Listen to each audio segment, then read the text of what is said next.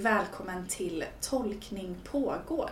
Idag ska vi läsa evangelietexten för annandag påsk hämtad från Lukas evangeliet.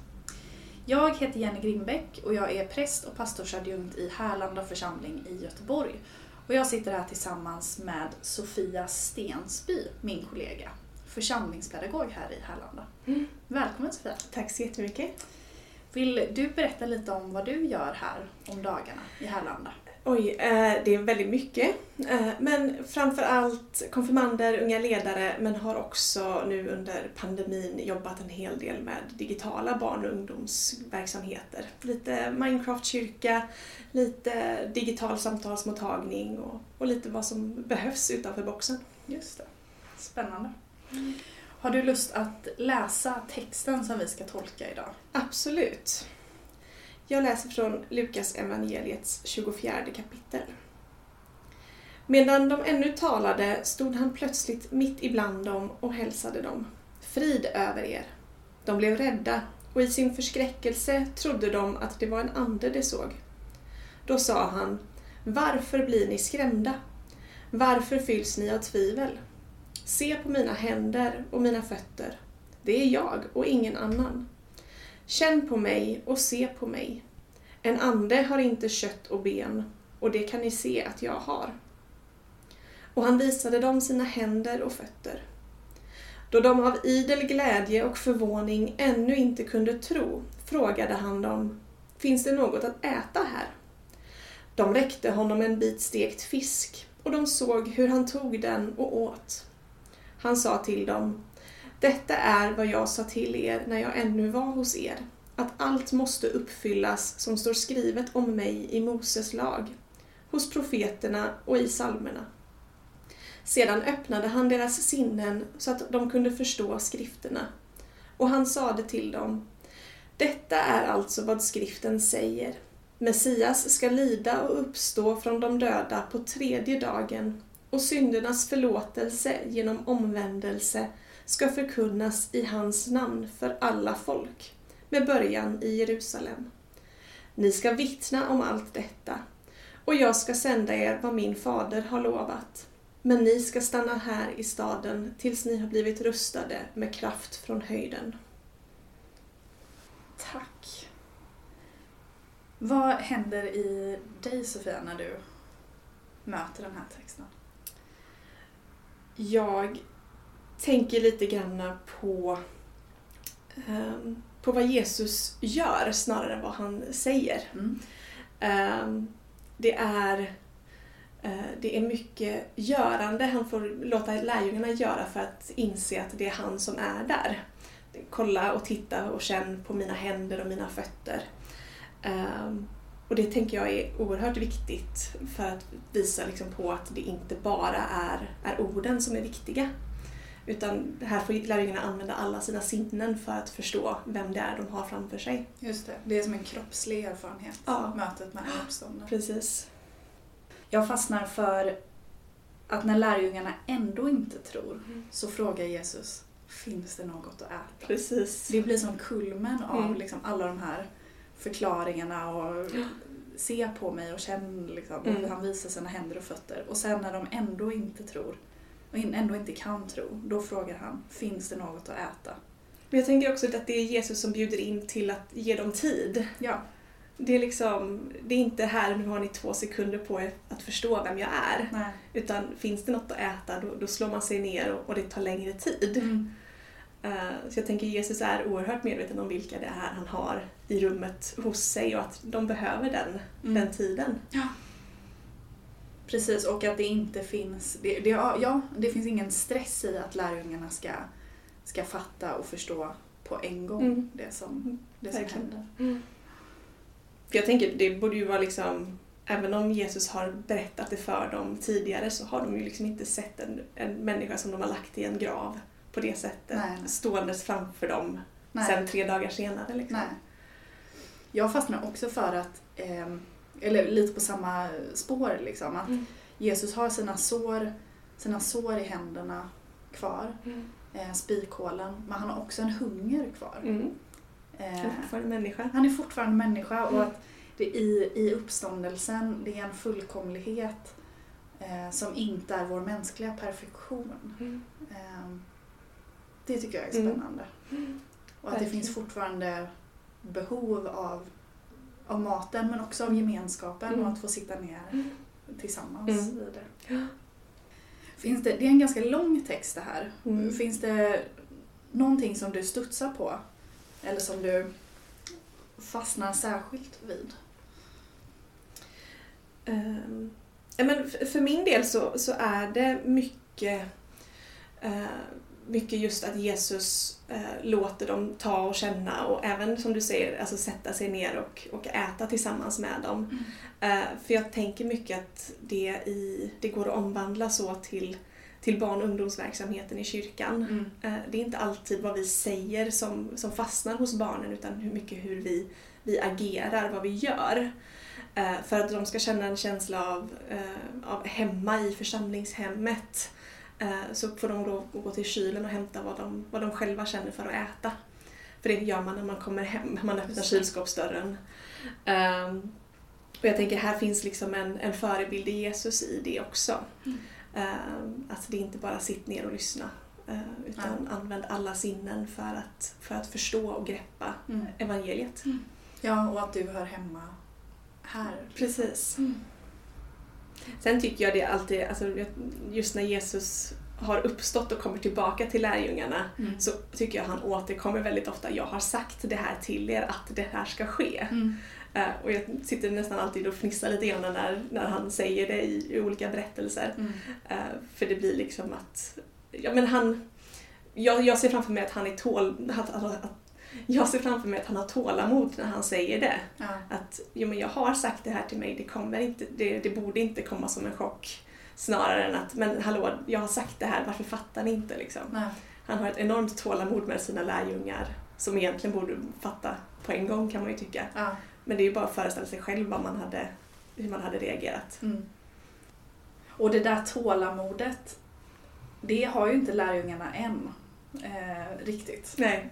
Men de får inspireras av det Mm. också. Och det får väl vi också inspireras av i en tid när, när, när coronapandemin börjar klinga av så Mm. smått Mm. och vi vill komma tillbaka till allt i våra liv som Mm. det var tidigare.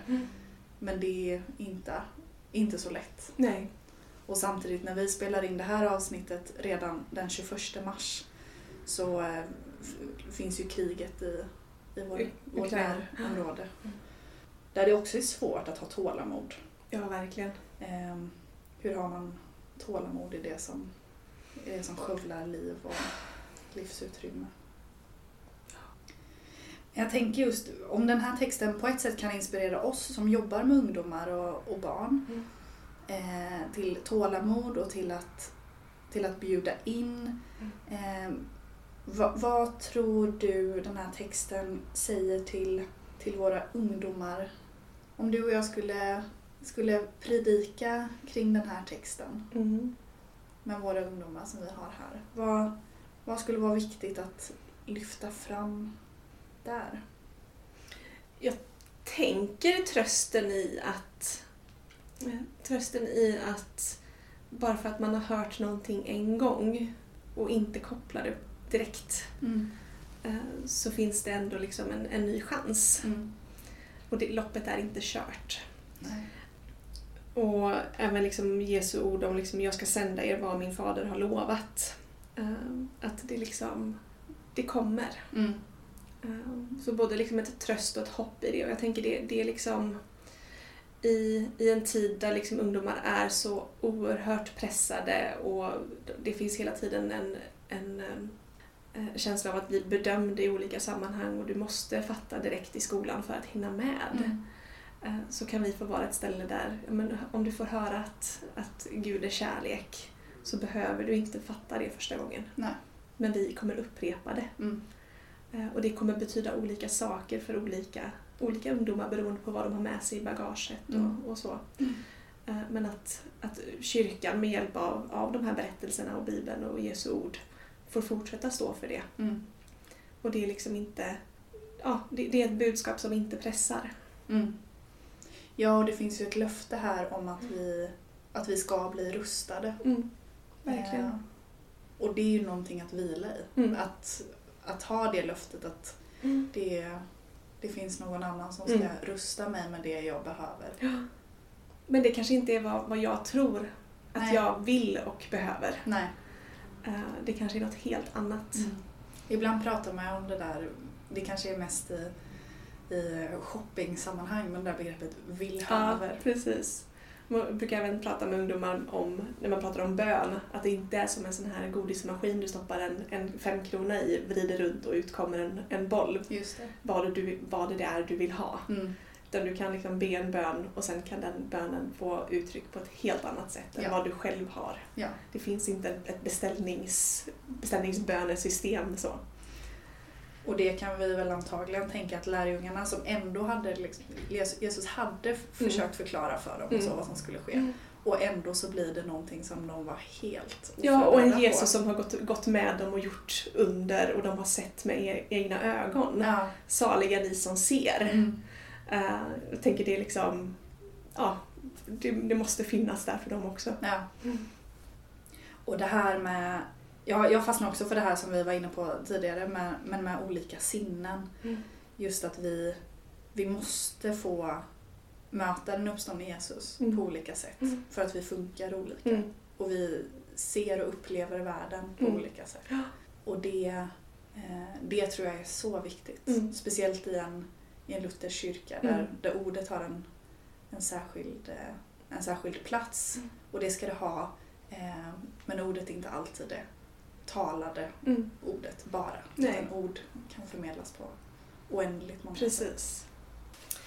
Sen tänker jag eh, lite, lite också på den här, det finns eh, ganska mycket memes och så om, eh, om att i Bibeln så står det var inte rädda 365 gånger. Mm. Eh, och det är en oerhört trösterik tanke och känsla. Nu har jag inte suttit och räknat dem eh, så, men Jag har också hört att det är så. Ja. Eh, Men jag tänker också att det, det första Jesus säger till lärjungarna, det är frid över er. Mm. Att det är så han möter dem. Eh, Sen står det ändå att de blir rädda och blir förskräckta och så liksom. Mm. Men hans intention är inte att de ska bli det. Nej. Utan han, han vill visa med, med orden den här gången då att eh, frid, Mm. det är jag. Ja. Ja, och det, det är ju också någonting, alltså det här att Gud, Gud skräms inte, Nej. men Gud kan överraska. Mm. Eh, Ja, verkligen. och det är en skillnad i Mm. det. Eh, och någonting i vår gudsbild att, att, eh, att ta med. Mm. Eh, och det är också en uppmaning till, till oss att, att, vara, att ha en, en blick på världen eller att Mm. vara i världen med den öppenheten att, att Gud kan överraska. Mm. Men Gud skräms inte. Men Nej. vi kan, vi kan bli rädda i det där Precis. när vi håller fast vid eh, när vi tänker att saker och ting ska gå på ett visst Ja, men sätt. den här bönebeställningen. Precis. Gud kom, svarar inte just där och då. Nej. Men han svarar på ett helt annorlunda sätt. Ja. Och Gud hör alltid bön. Oh ja. Temat för den här söndagen är ju mötet, möte med den uppståndne. Mm. Var möter vi den uppståndne Kristus? Jag tänker att det... Nu är det så väldigt enkelt att säga men i kyrkan finns Gud. Mm. Eh, Så, det finns liksom... Ska vi utmana oss? Eh, Jag tänker att det har utmanat oss väldigt mycket under pandemin. Mm. eh, När vi inte har kunnat samla människor i kyrkan och fått uppleva Gud där. Mm. Vi behöver liksom då kunna förmedla att det finns en gudsnärvaro och Gud finns där vi är. Um, och mycket av det, det som jag har gjort under pandemin med att ställa, ställa om och ställa, ställa annorlunda till det digitala. Uh, så jag upptäckte liksom att Gud är där vi är. Uh, om det är i spelet med Minecraft-barnen eller om det är i samtalet via Instagram. Uh, Gud är minst lika närvarande där Mm. som han är om jag sitter i kyrkbänken. Mm. Ehm, och det, det är återigen en, en väldigt individuell upplevelse för var och en. Eh, men jag tänker liksom att när jag ser barnen som spelar Minecraft på våran server, eh, hur de hjälper och stöttar varandra, eh, så ser jag, kolla vad fint, här finns Gud. Mm. Och även om jag inte liksom uttalar de orden så blir det en sån, en sån förebild för mig Mm. i hur de, hur de spelar tillsammans hur, det, hur, då, hur jag då kan se att ja, men där, där är Gud. Och där finns Gud i dem också. Mm. Um, så jag, jag, har inte, jag har nog inte svårt att säga att Gud inte finns i kyrkan. Eller att, att det finns andra ställen där Gud finns och inte bara i kyrkan. Nej, även digitalt. Även digitalt och även ute i, i naturen och allt, Mm. allt vad som finns. Ja. Så.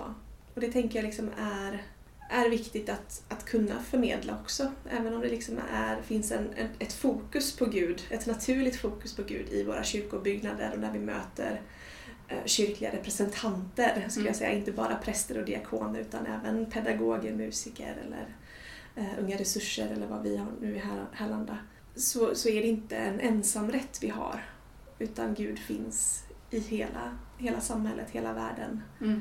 i, i och med varje människa. Ja. Och så tänker jag att vi, vi delar ju, och det går ju igenom evangelierna väldigt mycket, men det här att dela e- erfarenheten av Mm. den uppståndne Jesus med Mm. lärjungarna. Att det, det i, i att vara kyrka är det ju Mm. att vara i den situationen där Mm. lärjungarna liksom fortsätter arbetet. Jag tänker Eh. på, på liksom sista meningen i den här texten också. Liksom. Men ni ska stanna, stanna här i staden tills ni blivit rustade med kraft från höjden. Alltså jag, jag tänker rätt av på våra unga ledare i detta. Ja. Eh, De som året efter sin konfirmation stannar kvar och blir ledare för nästkommande konfirmandkull. Mm. Eh, Det, där blir det ju verk, verkligen en konkret översättning in i vår verksamhet. De får stanna kvar och bli rustade. Ja. Ehm, Och där finns kyrkan då som en väldigt naturlig plats för dem att, att bli rustade. Mm.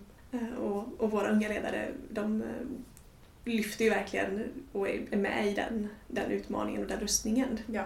Mm. Ja, och vi, det är ju så fint att vi, vi är ju i växtprocesser allihopa liksom, och Mm. vi rustas på olika sätt. Mm. Eh, både tillsammans och i det vi står i. Mm. Och att få dela er, erfarenheten som lärjungarna befinner sig mitt i. Mm. I att Jesus visar sig i det där oförväntade. Mm. På ett sätt som vi inte trodde. Mm. Men också i hoppet och upprättelsen Mm. i att få, att få vara med i, Mm. i det och Mm. att få bära det Mm. framåt och berätta för människor. Mm. Och vad om vi, om vi tar, tar fasta på det där med att rustas och de unga ledarna som de rustas konkret för ett uppdrag Mm. som unga ledare och att vara förebilder och medhjälpare och Medvandrare. medvandrare. Mm. Vad, om vi lyfter perspektivet lite, vad, vad behöver vi bli, bli rustade för idag? Om vi både tänker ungdomar men också församlingar i stort. Och, Alltså hade du ställt den här frågan för, för två år sedan hade nog mitt svar varit ett, ett annat. Eh, och då var det också många som gick ut och sa liksom att Sveriges krisberedskap är farligt låg för att vi inte har en samhälls, ett samhällsansvar och en, en känsla av ett kollektiv och ett, en gemenskap. Mm. Eh, pandemin visade oss mycket, i början i alla fall, när det var nu ska vi ta hand om våra äldre och skydda dem. Hur väldigt många gick man ur huset för att hjälpa till att handla och, och så eh, för, för de äldre. Eh, och jag tänker att det, innan pandemin så hade det varit liksom en, en ökad isolering eh, Eh, och en ökad liksom polarisering i, i samhället. Att vi liksom inte har naturliga samhäll, samlingspunkter där vi bara, bara kan vara. Liksom. Jag tänker att ja, men, kanske liksom supporterklubbar i fotboll eller hockey eller så kan fylla den funktionen för många. Att bara gå dit och känna att man är del av en gemenskap. Um, nu har ju jag lättare att se till barn och unga än vad jag har för, för vuxna och äldre men det är naturligt när jag jobbar med, med dem. Eh, men där tänker jag att det är det finns, under mina år som församlingspedagog har jag sett att det bara ökar i press och stress och det kommer längre och längre ner i åldrarna. Eh, och numera att få höra från, från barn eller konfirmander eller unga ledare eller vad, vilka jag nu än möter att Sofia, det är så skönt att få komma hit. Mm. Det här får jag bara vara. Här, det här är enda stället jag känner ett lugn inombords. Eh, Det är liksom det högsta betyget som, som vi kan få som kyrka för, för de här åldrarna. Mm. Och jag tänker att då behöver jag inte, inte förhöra dem på, på bibelkunskap eller så, för de har en känsla av frid eh, här i, i våra lokaler och hos, hos och med oss. Och det, det tror jag liksom att vi, Eh, vi... Vi har väldigt länge varit de många ordens kyrka. Det har varit liksom predikan och föreläsningar och så. Jag tror vi liksom behöver hitta, hitta andra sätt att förmedla budskap på. Men som är, som är lika kärnfulla och som där vi tillsammans som får förvalta det bestämmer oss för att alla sätt där vi förmedlar ett budskap av att Gud finns, Gud älskar. Oavsett hur du förmedlar det så är det lika viktigt och lika fint som predikan på söndagen. Just det. Och att vi då på något sätt rustas, rustas i att... För vi Tänka utanför boxen. Ja, men, men jag tänker liksom, det, på något sätt är det någon slags motsatt eh, rörelse. För när man tänker att rustas. Jag ser framför mig att man får verktyg, Mm. man får skydd, man Mm. får strategi. Alltså det är, Mm. det är på ett sätt en, en krigisk Mm. eh, formulering eller en symbol. Mm. Jag, jag ser det framför Mm. mig. Men det som du pratar om, det, på, det kan förstås som att liksom rusta ner också. Mm. Jag tror snarare istället för att säga så här står vi och förmedlar ett budskap. Ja. Hej, vad behöver du för liksom, verktyg för att förstå? Eller för att uppfatta? Inte förstå, det, det låter condescending. Men vad, vad behöver du för att förstå? Ja.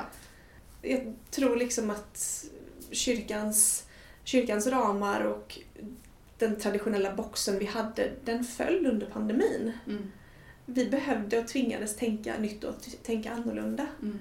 Eh, och då handlade det liksom om att eh, ja, men sopplunchen serverades i burkar som delades ut utanför. För att vi kunde och fick inte samlas. Eh, jag tror någonstans liksom att det en, en som gammal handbollsspelare så man behöver, vi behöver vara på tårna Mm. för att vara snabba att röra oss och vara flexibla att röra oss för vad, vad människor behöver. Mm. Ja, och att det är också det där som du, du pratar om mat och, och sopplunch. Att Mm. det, eh, Det ska vi inte underskatta. de där behoven Mm. är... Och där finns det behov både i form av hunger men Mm. också en hunger efter gemenskap Mm. och att få, Mm. Att få mötas. Mm. Och att få mötas på platser där, där jag inte behöver hålla uppe mina andra Mm. rustningar. Mm. Jag behöver inte hålla uppe de här. Mm. Att jag ska vara duktig i skolan, Mm. att jag ska plugga på varenda Mm. alla prov och betyg Mm. och skol, ansökningar till skolor och så. Mm. Utan det finns platser där jag får Mm. lägga ner de rustningarna och rustas som människa på ett annat Ja. sätt. Där jag inte In, är inifrån. inifrån, där jag inte är bara min prestation. Mm. Utan där jag är medmänniska och lärjunge och, eh, Och älskad. och älskad. Att vara älskad som identitet, det är Mm. något väldigt fint. Ja, Tänk om vi kunde, men kan du identifiera dig som det? verkligen inte alla dagar. Nej. Kan du? Nej. Nej. Och det är väl det som är mötet med den uppståndne, tänker jag, är mötet med en kärlek som övervinner allt. Mm. Och det är ju mötet med mig själv som Mm. älskad, Mm. blir resultatet av det. Mm. Och där eh, har vi, har vi många hinder Mm. när vi arbetar mot ett sånt mål eller en Mm. sån vision. Mm. Identitet, älskad. Och det är ju det som blir på något sätt i frågan om uppståndelsen som då och då blossar upp eller seglar upp på agendan eller vad man ska säga. Hur ska vi förstå? Så på något sätt så finns, den finns ju där. Mm. Eh, och den präglar våra liv. Och den, vi, vi, vi lever i den i Mm. vårt kyrkoår och vi Mm. lever i den i våra liv. I min favoritteolog Gustav Wingren som jag Mm. gärna återkommer till. Han pratar om den, den vardagliga döden. Mm. Alltså i, i vardagen, i Mm. allas våra liv Mm. så finns ständigt döden Mm. närvarande. Mm. Och vi faller. Mm. Och vi, vi misslyckas och i ångest och Mm. oro och allt som sker i våra liv så finns döden så otroligt närvarande. Mm. Men uppståndelsen finns där också. Mm.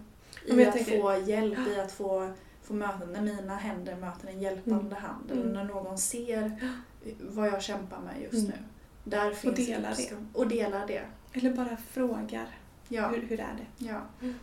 Och i den uppståndelsen, i den dagliga uppståndelsen, där tänker jag att vi också möter den Mm. uppståndne Kristus. Oh, ja. Ofta tror jag att det handlar om, att det handlar om en, eh, om en uppståndelseblick på Mm. tillvaron. Mm. som både handlar då om identitet, älskad, en blick på mig själv. Mm. Men också på, på världen runt omkring och de Mm. människorna jag möter. Mm. Att se, att se den människan och, och se liksom, potentialen i, i det, det vi är i. Mm. Och det är, ju, det är ju just hoppet. Ja, Det är det som jag tänker Ja, är precis. Och hoppet om upprättelse, Mm. hoppet om en framtid, Mm. Hoppet om ljus. hoppet om ljus, Mm. hoppet om att inte behöva vara rädd, Mm. hoppet om frid. Mm. Jag har funderat lite på vad skillnaden är mellan hopp och löfte. Mm. Vi pratar rätt mycket om hopp i kyrkan. Ja. Ehm, och här i den här texten så är det ju just hoppet som Förverkligas. förverkligas och kommer in och ja, Jesus finns där Mm. mitt ibland dem. Ett hopp som lärarna kanske inte visste att, det Ja, fanns. precis. liksom. Och det finns också ett löfte Mm. om att, att de ska bli rustade Mm. med kraft från höjden, lärjungarna och sådär. Mm. Men då funderar jag på vad, vad är skillnaden mellan, mellan hopp och löfte? Och vad, när vi är kyrka idag Mm. Och när vi är kristna och människor i vår värld, vad är, vad är det vi håller fast vid? Är det löftet eller är det hoppet? Och vad blir skillnaden? Vilken fråga. För, för det som jag tänker är att hoppet är något, det är något odefinierat, Mm. kanske. Och löftet är någonting som kommer, kommer från... Mm. Alltså om, om jag skulle, skulle tvingas välja Mm. eh, så kan ju jag känna liksom att min tro är aldrig konstant. Nej. Därför är, kan jag inte säga att... Jag, för mig så skulle det vara jättesvårt och tungt att säga att jag, jag förlitar mig på löftet. Mm. Eh, livet går upp och livet går ner. Eh, Gud känns långt bort, Gud känns nära. Eh, beroende på var man, var man hamnar och var man står. Mm. Eh, men jag kan alltid och har alltid kunnat känna att jag klarar av att hålla fast vid ett hopp. Mm. Så att för mig är inte det odefinierat och något, eh, något luddigt någonstans utan för mig är, är nog hoppet snarare min tro än, än ett, ett löfte. Mm. Ehm, för det, ja, men det finns ju tillfällen där man liksom bara vill inte, bara inte förstår ja, men, Gud, var någonstans finns du i detta? Mm. Eh, och det, ja men Gud har lovat. Ja, men nu känner inte jag att Gud har lovat det. Ja. Jag kan inte känna att det här är ett löfte som, där jag är buren i detta. Då, då har det för mig i alla fall varit väldigt skönt att kunna känna att okej, men jag kan, jag kan hålla mitt, mitt lilla, lilla lillfinger och känna att det finns ett hopp. Mm. Ett hopp om att jag kan få komma tillbaka till att känna att hoppet är, är stort Mm. igen. Men det känns inte lika mm, inskränkande eller så att ja, då känner jag mig fortfarande, tolka mig rätt nu, men då känner jag mig fortfarande kristen. Mm. Så länge jag fortfarande får hålla fast vid det lilla, lilla hoppet. Mm. Även om jag inte känner att löftet bär just då. Ja. Och där tänker jag att den som, den som bär hoppet från död till liv är ju Jesus. Mm. Lärjungarna, de, de tappade ju Ja. hoppet även om de hade hört ett löfte Precis. om att det här ska ske. Ja, de blir förskräckta i De blir, texten. men de blir ändå förskräckta Ja. och rädda. Och den som bär det, det hoppet, det är, det är Jesus. Och det kan ju också, även om, om vi håller det där lilla lillfingret Mm. mot hoppet Mm. och i de värsta av stunder så, så bär Jesus, den Mm. uppståndne Kristus, Mm. hoppet Mm. för oss även Precis. dagar när vi inte riktigt orkar. Det är dags att börja runda av Mm. den här tolkningen. Mm. Tack Sofia för att du ville vara med i Tolkning pågår. Tack att jag fick vara med. Och till dig som har lyssnat, tack för att du har varit med. Och vi hörs snart igen. Hej då!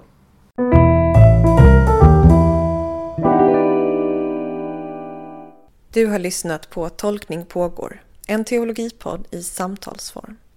För dig som vill fundera över livet och tron och för dig som vill få inspiration i predikoförberedelsen. Tack för att du har lyssnat. Och tack till alla er som gillar och delar våra avsnitt på Facebook och som på andra sätt berättar om den här podden för andra. Om du vill lyssna på fler avsnitt så finns vi där poddar finns och på vår hemsida som du hittar om du googlar Tolkning pågår. Och om du har tankar om podden så hör gärna av dig till oss på vår Facebook-sida. På återhörande.